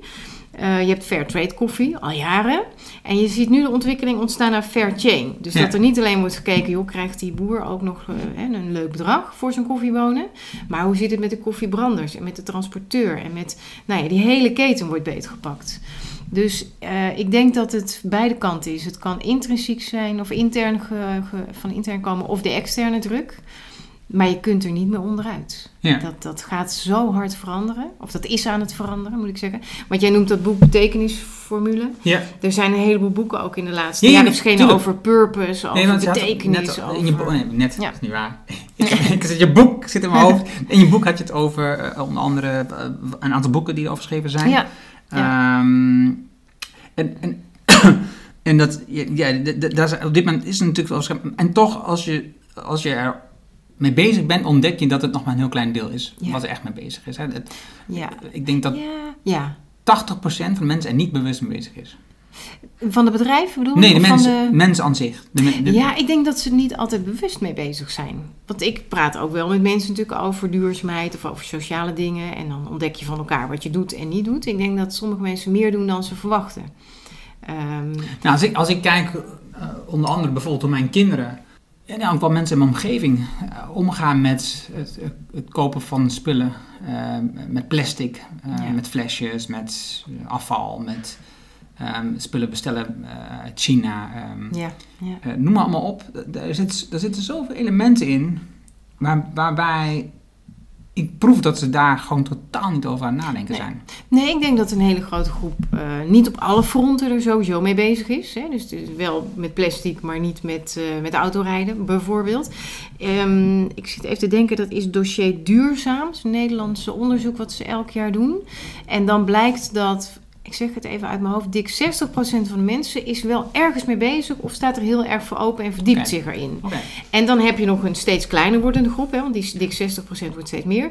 Die zoiets hebben, joh, het zal mij een zorg zijn eh, wat er gebeurt. Ik leef nu en als ik het maar goed heb. Hè. Ja. Dus die hou je altijd. Ja. Je houdt ook dat, dat kopgroepje wat heel erg fanatiek op alles zit. Hè. Dus dat, dat wat heel lastig is. En dan dat grote stuk waar jij en ik waarschijnlijk in zitten. Van het moet praktisch zijn. We willen ons alleruiterste best doen. En Maar een aantal zit- dingen jij doe je zit heel goed. aan de voordeur. Nou ja, maar dat is wel alleen met voeding vooral. ervaar- ja, uiteraard. uiteraard. Eh, of nou met het stuk, ik wil geen dierenleed veroorzaken. Daar, Hey, maar maar even- ik rij ook auto's, zei ik al. Hè? ja, nee, dat klopt. Dat klopt. Ja, Maar ik probeer ook wel zoveel Ja. openbaar voer te gebruiken. ja, als, Ja. als ik merk dat het, dat, het, dat het niet een uur extra kost, ja. eh, dan, eh, dus als, Ja. ik, als ik naar Utrecht ga of naar Amsterdam, dan eh, geef ik altijd de voorkeur aan de trein. ja. Eh, ik vind het prettig, ik vind het gemakkelijk. En, ehm, eh, dus ik, ik ben echt een, wel een, OV-fan. ja. Ehm, t- tenzij het een uur extra kost. En dan Ja, denk ik, oh ja, precies. mm. en dan, eh, maar dan heb je nu extra. En dan, dan ging je om vier uur terug en dan sta je in de file en dan, was, en dan kost het ook een uur. Ja, ja, Maar, dat is dan weer zo. Maar goed. Hoe, hoe gebruikte je, want je hebt nu gewoon een apart bedrijf eh, Ja. opgericht, maar hoe gebruik je voor je tijd eh, deze ehm, maatschappelijke impact in je trainingen over commercie? Nou, dat begint nu wel steeds vaker een gespreksonderwerp te worden. Zonder dat ik daarop stuur overigens. Hè. Ik word ingehuurd voor een lezing klantgerichtheid of acquisitie, netwerken, noem maar op. Ehm, dan is dat niet per se een gesprek, eh, gespreksonderwerp, onderwerp van gesprek. Misschien nu met het nieuwe boek ga je daar ook wel, want dan komt sowieso die impact aan bod. Eh, het is niet zo dat ik nou eh, elk bedrijf wil omturnen tot supergroen of sociaal enorm betrokken bedrijf. Want je doet wat je doet, maar je kunt er elementen aan toevoegen. Je ziet natuurlijk social enterprises, die heb ik ook wel als klant. Dus de echte sociale ondernemingen die zijn opgericht vanuit de gedachte ik ga de wereld mooier maken. is heel anders. En die, die train je juist weer meer op commerciële slagkracht. Ja, ja. Ehm, dus het, het, da- nou, misschien het, het zit in mijn werk over klantgerichtheid en commercie een stuk minder. Wel, het komt ter sprake. ehm, dan in mijn andere Hmm. bedrijf. Hm. Omdat, en dat heeft ook wel te maken omdat je nu op die kentering zit van de maatschappelijke Hmm. impact. Dat dat steeds een, een belangrijker thema wordt. Vijf jaar geleden waren bedrijven er nou, bijna niet mee bezig. Of Ja. een heleboel niet in ieder geval. Ja. Hey, eh, ik zag dat er een bepaald moment, ehm, noem je in je boek, eh, de klantloyaliteit, eh, als die, als die, ehm, als je, als je een maatschappelijke impact hebt, weet je, als je, als je er met bewust mee bezig bent, Ja, ehm, dan eh, neemt je klantloyaliteit met 7% toe. ja, Of die is 7% hoog, moet ik zeggen. ja. Vind je dat veel? Dus het is niet een schokkend hoog percentage. Ehm, wat je wel ziet is omdat steeds meer mensen verwachten dat je wat doet als bedrijf. En als je dan wat doet en je hele bedrijf bevalt, hè, dus niet alleen maar het product wat je levert, maar ook je service of het contact wat er is, dan gaan ze minder snel naar een ander uitkijken. Het mooie is ook wel dat ze bereid zijn om meer te betalen, blijkt dan. Dus, dus als jij iets goeds doet, mag een product of een dienst iets duurder zijn dan wanneer je dat niet doet. Dat, dat blijkt dan ook weer uit allerlei onderzoeken. Ja, dat heb ik gezien. Want, Ja. want ik, on- sorry, ik was even af. Ik was aan, over iets nadenken. Ja. Ik moet natuurlijk nooit doen, ik moet blijven luisteren. Ja. Maar dat klopt, want dat had ik ook opgeschreven. Hè. Dus, dus, dus ehm, een derde van de, van de consumenten of klanten die vinden dat een product best wel 14 tot 21 procent ehm, duurder mag zijn Mhm. ehm, als het milieubewust of, of wat dan ook wordt ge- geproduceerd. Ehm, en, en daar schreef ik bij op van dat is wel de top van de markt. Ja, dat zijn, zijn de mensen die, mensen... die, die het ook voor over hebben en die ook het verdienen Zeker, waarschijnlijk het ja. geld. Hè? Die hebben het geld om, om, die, om die keuzes ook. te maken. Ja, ja. Eh, het- het is Zo kijk ik er van een afstand tegenaan. Ik Ik ik ging bijvoorbeeld, eh, ehm, eh, ik zag een tip van Elle Jansen. ehm, oh, Het was een vraag over iemand van hoe doe je dat met verpakking eh, van groenten in de winkels. Hè? Oh, Hè, ja. dat- nu, er gaat nu veel de ronde over dat Albert Heijn die wil eh, eh, milieubewust omgaan met verpakking. Minder Ja. verpakking, maar in, in, in de groenteafdeling. Mhm. En daarvoor, net daarvoor dat ze het hebben aangekondigd, dat was zo grappig, um, had het een aantal mensen die, hadden, die zagen berichtjes plaatsen op Twitter over dat ze dus nu vernevelen bij de Albert Heijn over de groenten. Dus dan krijg je zo'n uh, frisse, uh, waterige laagje over je groenten. Dan blijven ze verser van. psychologisch iets, maar dat maakt niet uit. Um, maar dan heb je dus paprika's hadden ze op de foto staan met plastic eromheen. Ja, ja. En die worden dan verneveld. Ja, dat is heel nuttig. Ja. En iemand zegt, hey, het zal me niks verbazen. Ik zie nu meer plastic op dit moment bij de Albert Heijn in de groenteafdeling dat ze binnenkort gaan aankondigen dat ze dat gaan terugbrengen. Ja, nou, dat, dat, gebeurt, dat gebeurt, dat gebeurt precies. Dus je gaat eerst meer plastic gebruiken en dan zeg je, oh kijk eens hoe goed wij zijn, we gebruiken minder plastic. Ja, ja, ja. Huh? ja. Maar toen, dus, om even je punt af, mijn punt af, maar Ellen Jans, iemand stelde een vraag over hoe in godsnaam mee om met al die plastic, met groenten en zo. En zegt, nou, ik ga altijd naar um, uh, een, een, winkel hier die gewoon de groenten los verkoopt. Ja. Toch, oh ja, en Ellen woont... Of de markt. Ja, ja, ja en Ellen ja. woont bij mij niet zo ver vandaan, dus ik was benieuwd naar wat voor winkels ging. En toen was het dus uh, een, zo'n landlevenwinkel. Oké, okay, ja. En ik dacht, oh ja, frek. Dit voor mij hebben we dat bij ons in de buurt ook ergens. En uh, ik denk er gemend over na. Dus ik ben daar naartoe ge gegaan laatst om te kijken van, nou, hoe zit dat dan, een landlevenwinkel? Wat hebben ze allemaal van producten? Nou, het ziet er echt heel erg mooi uit. Maar ja, het is echt wel, echt wel een stuk duurder. Ja. Als je in de supermarkt, of dit kiest. Het, dus het is echt een hele bewuste keuze die je maakt. Overigens, ze verkochten ook vlees. En, um, en, maar dan uit de buurt, weet je. Ja. Wat, hè? Dus het komt gewoon uit de buurt allemaal. Ja. En ik dacht, oh ja, dat is, dat, dat is een idee. En dus, dus vlees is veel duurder dan, dan de plofkip die je in de winkel koopt. Maar stel dat je één keer in de week vlees eet. Ja, dan kun je dan, maar beter kwaliteit dat is, dan is, doen. Nee, maar als je zegt, oké, dus ik kies voor kwaliteit. Oké, dat is een stuk duurder. Dus dan ga ik naar één keer in de week. Dan heb ik in ieder geval een lekker stuk vlees. En dan weet ik zeker dat het uh, biologisch is of iets dergelijks. En dan, dat. Ja. Nou ja, een heel, een heel Ja. verhaal van mij, Nee, zonder vraag. Maar het is inderdaad, ik denk kiezen wat vind je belangrijk. Hè? Waar wil je wel of niet aan bijdragen? En er zijn ook mensen die echt alleen maar biologische groenten eten. Die dat bij een ecoplaza of een landleven of zo'n soort winkel eh, halen. Dat is duurder omdat de, de conventionele groente natuurlijk zwaar gesubsidieerd wordt. Eh, en veel meer massa heeft. Er was natuurlijk laatst ook nog het buitenbeentjes. eh, ik weet niet of je dat hebt meegekregen. Wat Ja. toch niet helemaal bleek te kloppen met, eh, met de werkelijkheid. Dus er wordt zoveel. eh, die prijzen worden zo laag gehouden dat het ook niet. wat- Dat, dat hoor je, het oude systeem is dat. Het is niet de eerlijke prijs. Ja, dus dat met, Dus met je vlees dat exact zou- hetzelfde. Exact, dat wordt zo zwaar gesubsidieerd. Dat is. is ja. Dat is niet realistisch. En dat zie je bij kleding. Nou, dat wordt dan niet gesubsidieerd, hè, maar daar, daar zetten ze dan in de keten weer eh, andere manieren van werken. Dus daarom zijn dingen zo goedkoop. Ja. ja. En ik kies ook voor kwaliteit. Hè. Ik eet liever voor iets meer wat heel goed is, dan dat ik denk, nou, ik wil veel meer eten voor minder geld. Ja. Als het maar lekker is, dat vind ik wel belangrijk. Ja, Ja. maar goed, ik denk ook als je eh, deze. Nu dat, ik zeggen, mijn ervaring tot nu toe met deze producten die, die met zorg eh, ehm, gekweekt zijn, eh, geplukt zijn en verzameld zijn, maar ook eh, bereid zijn, dat het ook lekkerder is. Meer smaak aan zit. Ja. Ja. Ja. ja. en wat je nu, wat ik wel interessant vind over, als je het daar dan over hebt, over groente, biologisch of niet. Je, het, het is nu eh, april. Ja, We nemen deze podcast op ja. in april. Nee, komt april uit. ziet, ja, ja, overal ehm, zie je nu die akkers, die geel-oranje kleur. verschrikkelijk. En ineens Roundup. zie je dit jaar in de kranten en op internet voorbij kopen dat dat komt door dat, eh, dat gif wat ze erop spuiten. Ja. Dus ook daarin zie je, hé, er komt veel meer bewustwording. Mensen realiseren zich, oh wacht even, maar dus mijn andijvie of wat ik ook eet komt van een akker die helemaal volgespoten is met gif. Wil ik dat wel? Hè? En dan maak je je keuze. Dat vind ik ook wat wij met, met Seeds doen. We geven alle leuke tips en ideeën, hartstikke gaaf. Maar kies lekker zelf. Ik ga je niks opdringen. Ja, Ik kijk wel uit, want ik wil ook niet dat iemand mij iets opdringt. Dus ja, ja. zo werkt het. Maar het is bewustwording op een heleboel vlakken. En dat is ook natuurlijk te danken aan social media. Want je kunt heel snel informatie eh, verkrijgen. En dat was tien jaar geleden niet zo. Nee, maar ik denk dat dat überhaupt natuurlijk is. De, de, de, informatie, het- het- het- niet per se, het internet. Het internet, Het heeft, internet, natuurlijk- ja, heeft veel in opengebroken. hè, Dus, Ja. dus, dus, het, dus Klopt. de middleman is, er- is heel vaak weg, waardoor informatie veel ehm, eh, van veel meer kanten kun je vinden. Dus het is niet meer, het is niet meer via het NOS-journaal met een bepaalde kleuring Nee. eh, wat, je, wat je te krijgt. Je hebt nu gewoon eh, sowieso natuurlijk 80 eh, kanalen wat je kunt kijken. En daarnaast heb je nog YouTube-filmpjes die hele goede documentaires zijn gemaakt die je daar ook kunt eh, bekijken. Ehm, en je hebt ook eh, een, boer die zijn eigen verhaal vertelt. Weet Ja. je? Die dus een eigen groentes maakt op zijn tuintje Ja. op, een, eh, op een hele eh, mooie manier. Ja.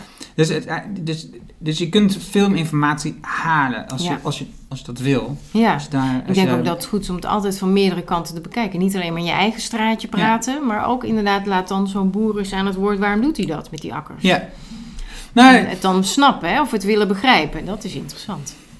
Nou, ik, ik- ik- kijk, dat is super duidelijk. Eh, Want dat is hetzelfde waarom ehm, bedrijven plastic gebruiken, een verpakking. Ja. Waar- Waarom gebruik ik een plastic tasje? Het is vele malen goedkoper Ja, ehm, dan een papieren zak. Hè? Dus, en, en de consument eh, wil voor 80% gewoon eh eh, goedkopere producten. ja eh, en dus, dat. Ja. hè, dus, dus we willen gewoon een lage prijs. En we hebben een bepaald bestedingsbudget en een lage prijs. Maar dat is allemaal een systeem die heel erg in elkaar sluit. Waar je, waar, waar je alle dingen niet eens over ziet. Want die plastic industrie is natuurlijk enorm gesubsidieerd. Ja. Als je kijkt wat de invloeden zijn van ehm, grote eh, markten zoals de groente, of zoals eh, de voeding, ehm, eh, medicijnen, ehm, de olie.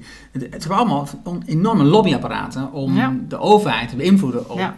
keuzes die ze maken. Waarbij je, als je, als je erachter komt omdat iemand het onderzocht heeft, denk je van, Ja. oh, Zo vandaar werkt het. is dat- Ja, ja, ja. Dus dit is het wat er gebeurt. ja. En, waar je van tevoren geen weet van hebt. Nee. nee, dat is heel goed dat allerlei dingen steeds bekender worden. En dan kan iemand zijn keuze maken. Dat vind ik wel een, eh, een mooi iets. Wat, wat is, Ja. Ben, je, ben jij. In het boek is het overduidelijk. Hè? Je bent in het boek nu heel actief dit gaan gebruiken. In jouw social media zie je het een beetje voorbij komen door Seeds. Ehm, heb je een verandering gemerkt in, in hoe mensen op je reageren sinds jij dit duidelijker naar voren brengt? Nee, niet echt. En ik denk dat dat te maken heeft met het niet dogmatisch willen zijn of niet belerend. Of ik ben echt vanuit het standpunt, joh, kijk maar wat je ermee doet. En, en natuurlijk is het fijn als je beter voor jezelf zorgt en voor de rest van de wereld, maar dat moet je zelf weten. Nee, en wat ook wel, weet je, het beeld bestaat. ehm, ik gebruik ook niet zo heel vaak de term veganisme, want dan heb je meteen het stempel, oh ja, saai en suf. En ik denk, nou, er- zijn Ja, honderdduizend verschillende soorten mensen die eh, Ja. eh, zo leven en, en, en noem maar op. Eh, of, en ik ken ook hele saaie mensen die. Ja, precies. Hè, dus, maar daar, daar heb ik helemaal niks mee met dat soort stempels en hokjes. Ehm, en wat ik merk is, mensen verwachten van mij niet altijd dat ik met milieu bezig ben. Zeker niet als ik in mijn auto aankom rijden natuurlijk. maar de mensen zien mij, oh leuk, een vrouw het podiumjurkje aan hakken. En weet je, dat is gewoon ook het beeld. Commercie helpt ook niet mee in die zin. Want als je commercieel bent, heb je het stempeltje van gaat voor de euro's. En hè, dat, ik zeg het maar even zo neer. Ehm, en dan kun je eens hele leuke gesprekken hebben gewoon over, eh, nou als er weer iets in het nieuws is, over olie of over plastic of over wat dan ook. Dan heb je het erover. Dan vertel ik wel eens, nou ik doe dit en dat. En oh, wat leuk en interessant. En hoe makkelijk het is. Want nou, nogmaals, hè, ik wil geen uren bezig zijn met dingen. Het moet praktisch, want ik heb druk. Dus het, moet goed te doen zijn. Dus nee, ik merk ehm, zelden of nooit dat iemand daar iets van vindt. Ik vind ook niet eh, als iemand, ik noem maar wat, een zakenlijst van mij eh, jaagt. Ja, ik zou het nooit doen. Maar dat vind ik die persoon niet minder of meer aardig. Alleen dat ene stukje denk ik, ja, ik zou het niet doen. Hè? Maar als jij daar blij van wordt. Ja, maar dat is niet- Ik heb er moeite mee, hè? Maar het is Nu niet dat ik die op op persoon een- niet op een- aardig meer op vind. Een, een lastig aspect heb ik zelf Zeker. gemerkt. ja. Want, want waar, waar is die grens? Weet je, Nou waar is de grens dat je dan een bepaald moment kiest van... Oké, dus zij doen dat, dus dat is gewoon geen klant meer van mij. Oh, de- ja, oké, op die manier. Nou, dus ik denk ook dat je het heel vaak niet weet. Ik zou het raar vinden als iemand zegt, nou, ik huur jou niet in, want jij eet geen vlees. En Nee, die, dat- snap, nee, die, die en snap ik. Maar andersom vind ik het hetzelfde. Ik wil met jou niet praten, want jij... ehm, met een jaar. eh, bijvoorbeeld. Ja, dat, maar goed, dat maar goed voor mij eh, eh, ehm, eh, laten we dan even een ander voorbeeld nemen. Wel, wat extremer, maar de vraag is natuurlijk, waar, waar ligt dan die grens? Ja. Hè? Is, ehm, eh, ik hou van muziek. Ja. Ik vind Michael Jackson, dat hij mooie muziek Ja. heeft gemaakt. En, maar ja, dan, als je dan documentaires gaat volgen over die dingen die hij zou gedaan hebben met kinderen, denk ik, Ja, oké, hmm, ja, Ja. Ah, En Michael Jackson is een voorbeeld, uh, R. Kelly, eh, noem ze allemaal op. Hè? Dus Mhm. eh, alle misstanden die in, Ja. die in de wereld bekend zijn. Eh, wanneer, wanneer is het nog toegestaan om van iemand eh, zijn muziek te mogen genieten? En Wanneer denk je, of, of naar zijn film te gaan kijken, of Ja. eh, allemaal dat soort dingen. En, dat, en dit ligt een beetje zo Ja. op diezelfde scheidslijn. Wanneer houdt het op dat je zegt van, hé, wat zij doen, nee, daar kan ik me echt niet meer verenigen. Ja, ik vind dat een lastig, want voor mij, ik kan wel de persoon van het gedrag soms loskoppelen. Dus ik kan iemand heel aardig vinden, maar de dingen die die persoon doet, dat ik daar op tegen ben. Maar dat wil niet zeggen dat we geen gesprek kunnen hebben. Als je elkaar respecteert, dan ben je let's agree to disagree. Hè? Dan kom je daar misschien op uit. Je ziet, wat jij noemt is natuurlijk een beetje het Kevin Spacey effect. Hè? De man was walhalla en fantastisch en hij maakte één of meer misstappen, wel of niet. En ineens eh, wordt hij overal uit filmwereld ge- geschrapt. Ja, weet ik niet, maakt hem dat dan per se een, een man die niet meer aardig is? Ik heb geen idee, hè? ik ken hem niet. Maar, dus ik kan dat wel loskoppelen. Ehm, Hij wordt er in geval geen slechte acteur van. nou, precies. Ja, dat, nou, misschien is dat ook wel dan wat ik bedoel. Ehm, en er zijn ongetwijfeld mensen te bedenken met wie ik echt totaal geen contact zou willen hebben. Door Ja. wat ze doen. Ja, maar die, Ja. daar heeft iedereen, denk ik. Ja. eh, Ja, eens. ehm, dus, dus nee, ja, ik heb daar geen moeite mee. Maar ik merk het dus andersom ook niet. Nee. Het komt ook niet altijd ter sprake, dat hoeft ook niet. Nee, nee, dat Nee. snap ik. Dat, en dat, ik, ik moet ook zeggen dat een manier heb jij het ehm, rustig opgebouwd, zeg maar. Ja, en ik- het is ook het is mijn keuze hoe ik leef. En die 100%. hoe draag ik Maar niet dat- per se uit. Alleen nu door mijn nieuwe bedrijf komt het iets meer naar Maar voren. ook in je boek is het, het komt het ja, duidelijk naar voren. Maar dat komt echt wel omdat ik heb natuurlijk met het boek gekeken van wat is er nu belangrijk om heel succesvol te zijn. Nu en, en daar is Nee, het een onderdeel Maar wat ik bedoel is het Ja. feit dat je noemt het, het is een onder in je boek. Het Ja. is een van de drie pijlers in je boek. Het is ook een heel grote. Maar daarnaast schrijf je ook over hoe jij dat doet. Eh, ja, er ko- nou, ja, ja, in het boek. Ja, ja, er Ja, komen een paar momenten maar jawel, nee, ik weet wat je bedoelt. Ja, ja, en dat is, want het is een van de, van de vijf delen gaat over die impact. Daar noem ik die voorbeelden in. Gelukkig in de andere delen ook.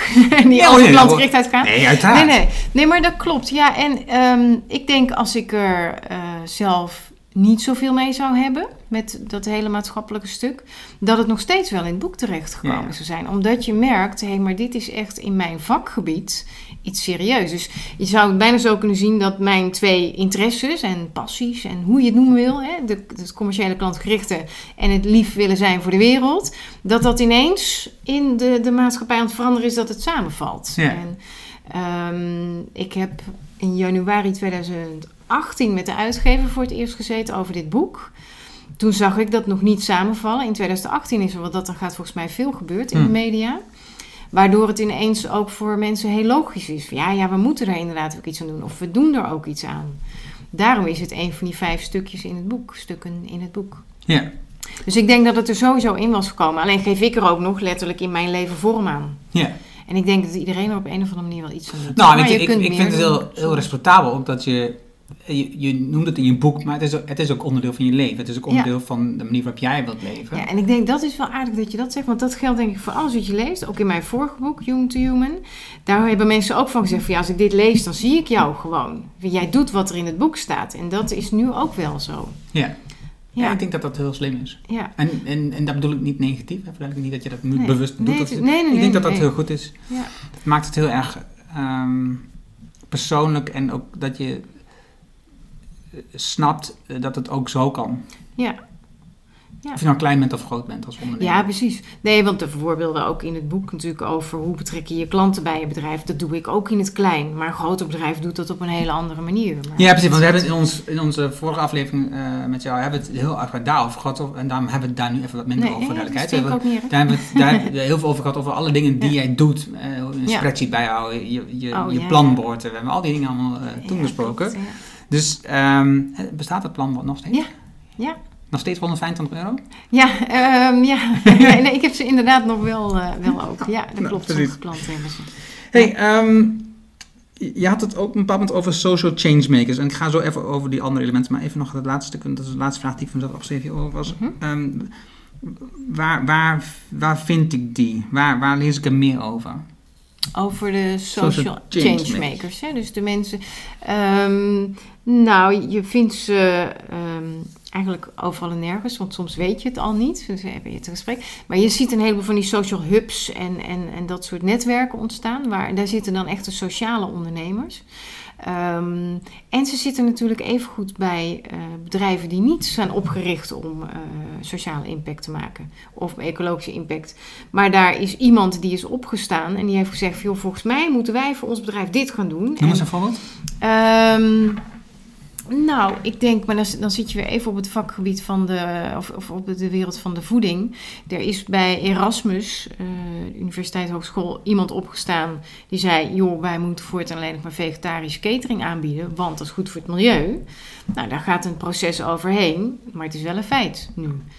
Uh, dus op het moment dat er iemand opstaat binnen een bedrijf, dat kan een eenling zijn, dat lees je ook in mijn boek, van jij als eenling die dit boek leest kan echt verandering eh, bewerkstelligen. Al werk je bij een bedrijf waar 7000 mensen werken. Ja. Maar je moet even hè, wat dingetjes eh, op touw gaan zetten.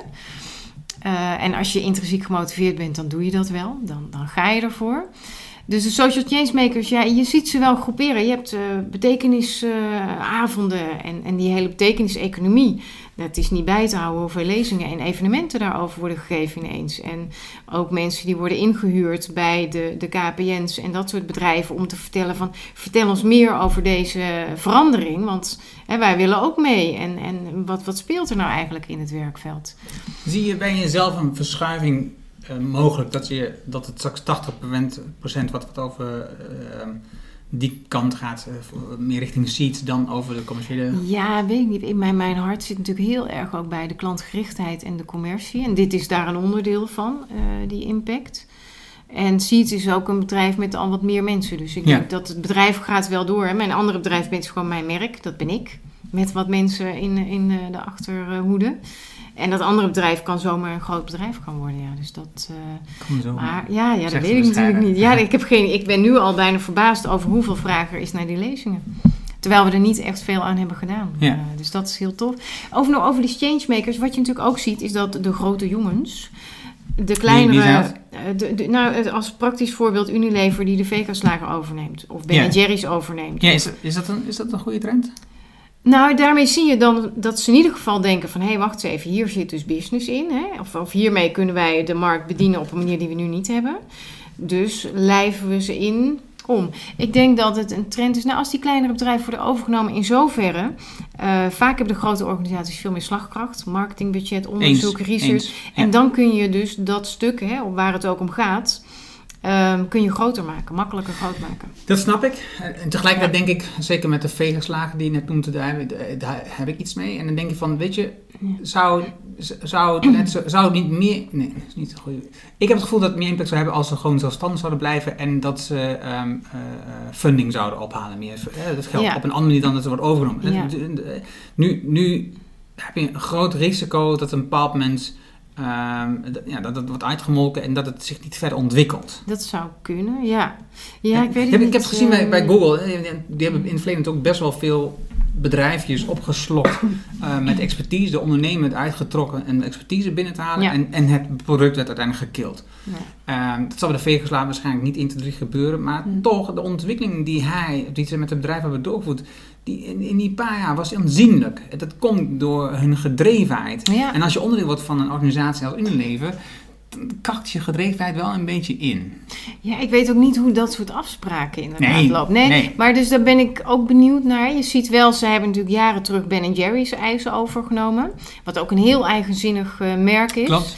En dat is nog wel steeds dat Klopt. eigenzinnige merk. Dus het, ik denk Ja, dat het wel heb ik daar ook een relatie mee en die mensen ken ik ook redelijk goed. Oké, ja, wat dat, leuk, Dat, ja. is wel grappig, maar Ehm, en, en, en daar we het, ik had het met, met uh, iemand bij betrokken is daar ook over. Uh, en, en ik denk dat er wel een verschil zit tussen de veegeslagen en Ben Jerry's. Oh, jawel, en Ben ja, Jerry's, ik denk dat het daar, um, die cultuur is, is heel diep geëmbed. En Ja. Die organisatie was ook al een stuk groter natuurlijk. Ja, ja. Um, en dat, is- ik denk dat het veegeslagen dat het best lastig gaat worden om dat vast te houden. Ik heb geen idee. Ja, ik Maar goed, we gaan- durf we toch gaan- niet we gaan het zien. Nee, We ja, gaan het zien. maken het mee.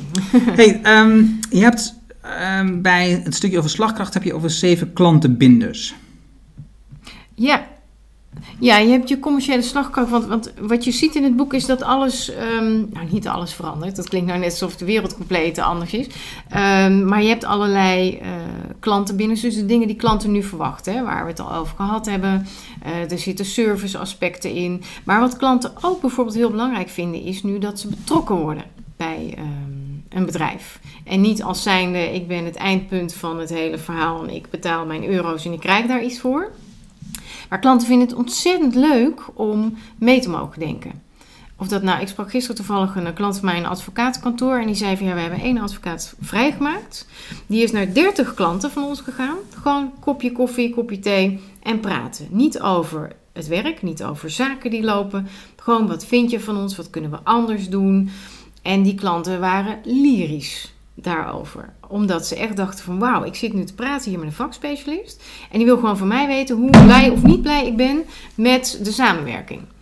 Dat zijn, en dat is dus een van die, die klantenbinders. Klanten willen veel meer te vertellen hebben. Want ze zijn streetwise. Je hoeft niet meer aan te komen met je USP's in een gesprek. Die weten ze nu wel. Hè? Dus Ja. gewoon waarom gaan wij zaken met elkaar doen? Waarom kies jij voor mij? Ehm, en dat is wel voor veel commerciële mensen, of ook ondernemers en, en voor een heleboel eh, mensen een andere denkslag. Want ik kom niet meer iets brengen. Nee, we gaan samen in gesprek en, Ja. en samen kijken hoe we hier een hele mooie relatie kunnen opbouwen. Ja. Dus Ik- omdenken. Ik zat, ik zat ja, van, Ja. van Bertel Gunstel. En, Ja. en, en ik, ehm, ik, zat, ik zat dus te luisteren naar die vorige aflevering. Ja. En, en ik, ik vertelde ook in de aflevering over best wel veel worstelingen die ik had met sales op dat moment. En ik moet zeggen dat ik die totaal niet meer heb. Ehm, en, en dat ik ook vele mensen dacht van, oh, wat ik zeg, dat is eigenlijk wel... eh, het is eigenlijk precies hoe ik het nu doe. Of, of ik nu van jou heb geleerd, is niet 100% zeker. Maar je hebt beslist een bijdrage gehad. Ehm, dus een van de elementen die je ook nu in het boek benoemt, is eh, over heel veel aandacht. Het gaat over enorm veel dat je aandacht hebt in je klant. Persoonlijke relatie. Precies. Ja, absoluut. En, en ik merk ook, en is precies de reden waarom ik nu denk over je zit in live. En datzelfde doe ik met klanten. Eh, Dus als, ik een, als iemand klant wil worden, ik wil hem altijd van tevoren eerst zien. Ik wil Ja. altijd gewoon eerst een ontmoeting Ja. hebben voordat we besluiten de klant te worden. Ik heb vandaag een artikel gepubliceerd over hoe je het beste een coach kiest. En daar zet ik een heleboel elementen in die het eigenlijk heel lastig maken om voor mij te kiezen.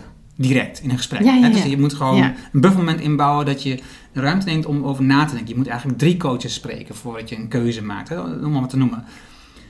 Ja, en het verleden zou ik denken, nee, je moet gewoon, nee, je hebt gesprek met mij en, ik, en, dan doe ik je een fantastisch aanbod en dan lijf ik je binnen en dan ben je klant. Klaar. Punt. Nee, dat is niet de manier. Dat werkt ook niet meer zo. Nee. Nou ja, ik, ik, ik kan het heel goed, daar gaat niet om. Ja, Maar op de dat- andere manier heb je niet het veel beste voor de band. Nee, precies. Nou, dat bedoel ik. En het gaat niet om, ik wil nu snel eh, business binnenhalen. Die tijd is echt geweest. En er zijn nog genoeg mensen die het wel zo doen. Maar ik denk, nou, je, je kunt veel meer bereiken voor jezelf, voor je bedrijf.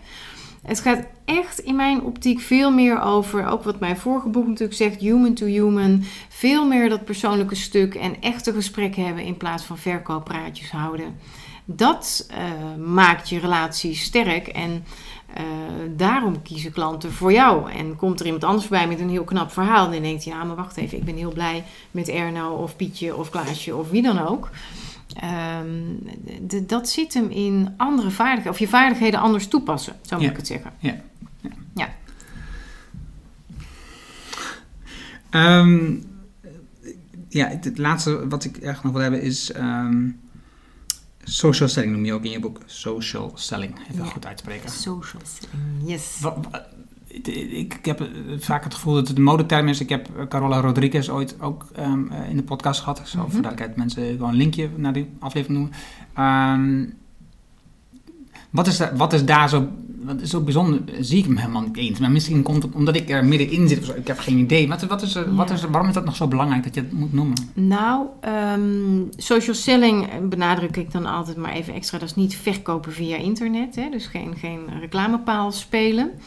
Ehm, maar dat gaat over. Nou, ik, ik zeg het even anders. Bijna iedereen begint zijn of haar zoektocht naar een leverancier, een product, een dienst op internet. Als jij mij de tip geeft, oh je moet eens kijken bij bedrijf X, Y, Z, dan ga ik eerst nog eens even googlen en dan pas ga ik contact leggen. Dus wat mensen van jou zien op internet is heel bepalend, überhaupt al voor de stap om contact met jou te leggen. Wat daarnaast natuurlijk gebeurt, is je hebt geen idee wanneer een klant naar jou op zoek gaat. Dus jij kunt nu wel heel leuk denken, nou ze denken aan mij. Maar die klant zoekt misschien op hele andere fora of op andere pagina's dan waar jij normaal gesproken zit. Dus je moet zorgen dat je op allerlei manieren zichtbaar bent. Daarom is ook gesprekken met klanten voeren zo interessant. Van joh, waar zoek jij naar mij? Of, of wat, wat typ jij voor zoekterm in op Google voor mijn part? Uh, dus dat social selling is uh, zorgen voor zichtbaarheid enerzijds. Maar ook om alvast de, de connectie te hebben. Om al met elkaar in gesprek te gaan. Al is het maar via een paar tweets of Facebook berichten of op LinkedIn reageren op, uh, op zaken. Doe je dat niet, ben je niet zichtbaar. Ja, dan wordt het best lastig dat iemand bij jou uitkomt. En als kleine ondernemer is dat natuurlijk makkelijk, want heb je het in eigen hand. Als middelgroot of groot bedrijf is het ook bijna standaard een van de dingen die ik zeg. Jongens, iedereen zou actief moeten zijn op LinkedIn. En je hoeft niet de hele dag je tijdlijn door te scrollen en zo, hè, want we moeten gewoon ook allemaal werken. Maar als jij daar niet bent en mensen zien nooit jouw naam voorbij komen of je hebt maar een half ingevuld profiel, ja, waarom zou ik dan voor jou kiezen als jouw collega van een ander bedrijf wel dat sociale gezicht laat zien? Ja, oké, ik snap dat. Mhm. Uh, ik zit er ook middenin, dus ik... Ja, je hebt maar is het helemaal helder. Precies, maar even de, de andere vraag, want Ja? je noemt dat ook in je boek en ook zeker in je vorige boek komt het heel erg duidelijk terug en ook in het vorige gesprek komt het heel erg terug. Dat zijn referenties. Het is, dus, uh, dus je hebt, um, ik heb een klant, nee, nee, Mhm. je hebt een klant, jij Ja. hebt een klant Ja. en... Um, en die hebben een fantastische training van je gehad. Die hebben lang werken ze al met jou samen. Die, die zijn heel erg tevreden over hoe jij werkt. Ja. En ze, ze, een bepaalde netwerkbijeenkomst spreekt met iemand anders en die zegt: oh, Ik ben eigenlijk op zoek naar iemand die wat meer met sales doet, want ik, uh, ik kom er niet zo uit. Ja. En dan zegt zij: Dan, moet je. Dan moet je Ja, ja, ja, ja, hele, ja. ja. Ja. Dus, dus um, Ja. dat, eigenlijk is dat toch de allerbelangrijkste Ja. manier om in beeld te komen. Ja, ook. Ehm, maar stel dat iemand dat niet vraagt en die gaat gewoon eens zitten googlen. Ja, snap, dat snap ik. Dus, dus het, Maar- het is maar- beide. dat- Ik ben overigens ook, ik ben niet alleen maar van het online. Hè. Ik zeg altijd, je moet ook echt contact hebben. Nou ja, daarom zitten wij nu ook tegenover elkaar. En hebben we niet een telefoon of een Skype gesprek. Uh, ik denk dat het elkaar versterkt. Maar online is natuurlijk zo'n zwaar en groot iets geworden in ieders leven. Dat je daar wel ook moet zitten. En um, nogmaals, niet om te vertellen hoe fantastisch je bent, maar om te laten zien waar ben je mee bezig, om interessante dingen te delen. Eigenlijk een beetje het content marketing uh, verhaal.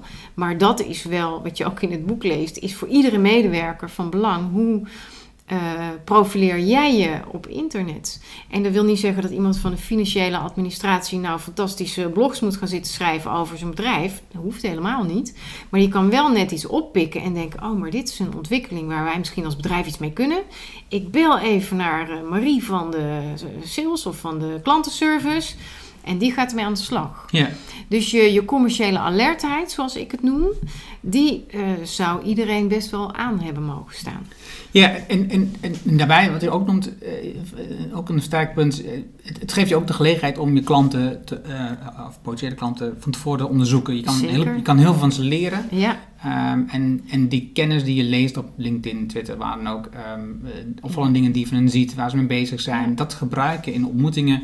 Om, ja. om die band aan te halen. Ja, want hoe meer jij weet van, daarom is het ook zo mooi als je een, een, duidelijkere doelgroep hebt. Hoe meer jij weet van vraagstukken die spelen, hoe interessanter jij voor ze bent. Ja. En als zij bij jou dan dingen lezen waarvan ze denken, hé, hey, die snapt precies wat er bij ons speelt. Of, oh, wat interessant dat. Ja, dan bouw je alvast een beetje dat contact op. En misschien heb je wel een jaar nodig om af en toe eens met elkaar even op, uh, op een of andere social media of op een forum wat dingen uh, uit te wisselen.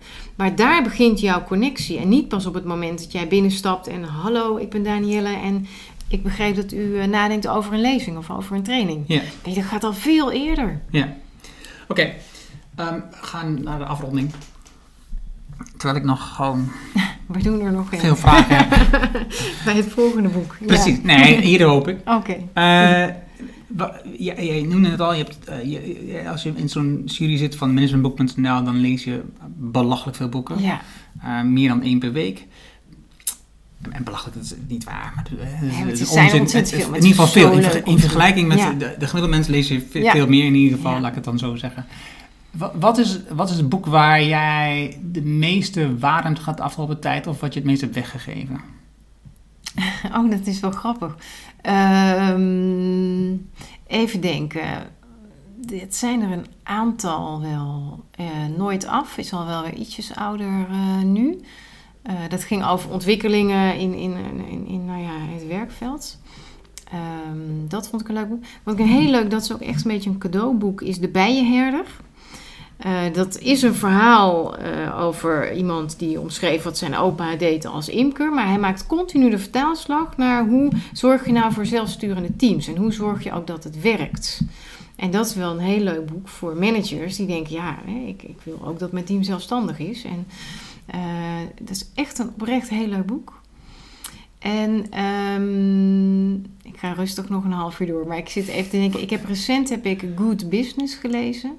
En Betekenisvol Ondernemen. Dat is alweer uh, van ietsjes uh, twee jaar geleden. Dat zijn hele goede boeken voor bedrijven die wat socialer uh, of, of ecologischer wat willen gaan doen. En nou, ik denk dat dat wel de belangrijkste. Welk boek heeft meest impact op jou gehad? Op mij? Um, Oh, ik loop nu in gedachten even door mijn boekenkast heen. Goh, dat is een hele goede. Ja, dat is wel een oude, maar dat is bijna zo'n zo'n afgezaagd voorbeeld. Invloed of influence van David, Robert, sorry, Robert Cialdini. Zo. David Cialdini, oh, ja. Nee, ja, precies, waarschijnlijk. Robert Cialdini, ja. Ja, dat, dat, dat is echt wel beduimeld uh, in mijn kast. En daarop aanvullen, dat is misschien wel het beste Nederlandse boek. IJsverkoop aan Eskimo's van Pascal van Goethem. Dat gaat over overtuigingskracht. Ik heb bij haar ook wel eens een enkele keer een, een coachsessie gevolgd. En dat is echt, echt een heel leuk boek. Oké, okay, um, voor mijn laatste vraag, voordat ik afsluit, nog even, waar kunnen mensen jou het beste vinden? Op uh, danielledejonge.nl. dat is de allermakkelijkste, want van daaruit gaan alle linkjes naar social media, naar sheets, naar dat soort zaken. Ja, ja. Danielle de Jonge uit uh, Twitter, Danielle de Jonge op LinkedIn. Ja. En, dat zijn in ieder geval platformen waar ik je veel volg. Dus, YouTube, dus, ja, klopt. Ja. Hey, en is er nog iets wat je wilt delen wat je wil zeggen, wat ik nog niet aan gedacht heb? Is er iets dat ik niet heb gevraagd? Um, nee, nou wat ik wil delen, ik denk dat, um, uh, maar dan link ik even naar mijn uh, nieuwe boek, dat ik heel benieuwd ben als mensen dat onbevangen gaan lezen. Want, want, er staan ook wel nieuwe dingen in en ook dingen waarvan je denkt, oh ja, leuk, goed om weer op te frissen. Of hey, dit is een, een nieuwe kijk voor me dat ze het vooral onbevangen gaan lezen. En dan eens kijken van, hey, wat, met welke elementen kan ik iets in mijn bedrijf om daarmee succesvoller te zijn. Danielle, super dankjewel. Je nieuwe boek Heel extreem klantgericht. Ja. Uh, link uh, hieronder in de show notes uiteraard naar Yubido. Uh, daar kun je het boek bestellen. En ehm, nou, tot de volgende keer dan maar. Tot de volgende keer, dankjewel. Dat was het gave, mooie gesprek met Danielle. Je vindt de namen en links die we noemden in het artikel dat bij deze uitzending hoort. Ga daarvoor naar ernohanning.nl slash show 194. Wil je graag vanzelf automatisch de volgende aflevering ontvangen over nou, een andere ondernemer die nu gaat komen? En je hebt een iPhone, dan is het heel eenvoudig, want standaard zit de app Podcast al op je telefoon. Je opent die app, onderin links onderin zit een vergrootglas, je zoekt op de Erno Hanning Show. Je ziet hem vanzelf verschijnen. Je klikt erop en dan klik je op abonneer. Eenvoudiger kan het niet. Vanaf dat moment krijg je namelijk de volgende aflevering vanzelf op je telefoon. Wat wil je nog meer? En als je een Android-telefoon kan natuurlijk ook, alleen heb je dan een andere app. Heb je vragen, opmerkingen, reacties over deze aflevering met Danielle of over de podcast in het algemeen? Stuur dan een e-mail naar podcast.ernohanning.nl ik hoor graag van jou. Wil jij weten wat de 11 winstoptimalisatie-elementen zijn voor online marketing en verkoop? Vraag dan het gratis boekje aan. Dit doe je op winstoptimalisatieboekje.nl. De digitale versie krijg je helemaal gratis. En wil je zo'n papieren dingetje met bladeren en je kunt bladeren en zo, dan betaal je alleen de verzendkosten. 2 euro, meer niet. Vraag jouw boekje aan op winstoptimalisatieboekje.nl. Het is een dun boekje, je leest het in één avond uit. Winstoptimalisatieboekje.nl. Dankjewel voor het luisteren, dankjewel dat je er was en graag tot de volgende. Welkom in de Erno Hamming Show. De podcast waarin je leert over de beslissingen om te groeien als ondernemer met je bedrijf. Luister naar de persoonlijke verhalen van succesvolle ondernemers en ondernemende mensen. Dan nu jouw business coach Erno Hamming.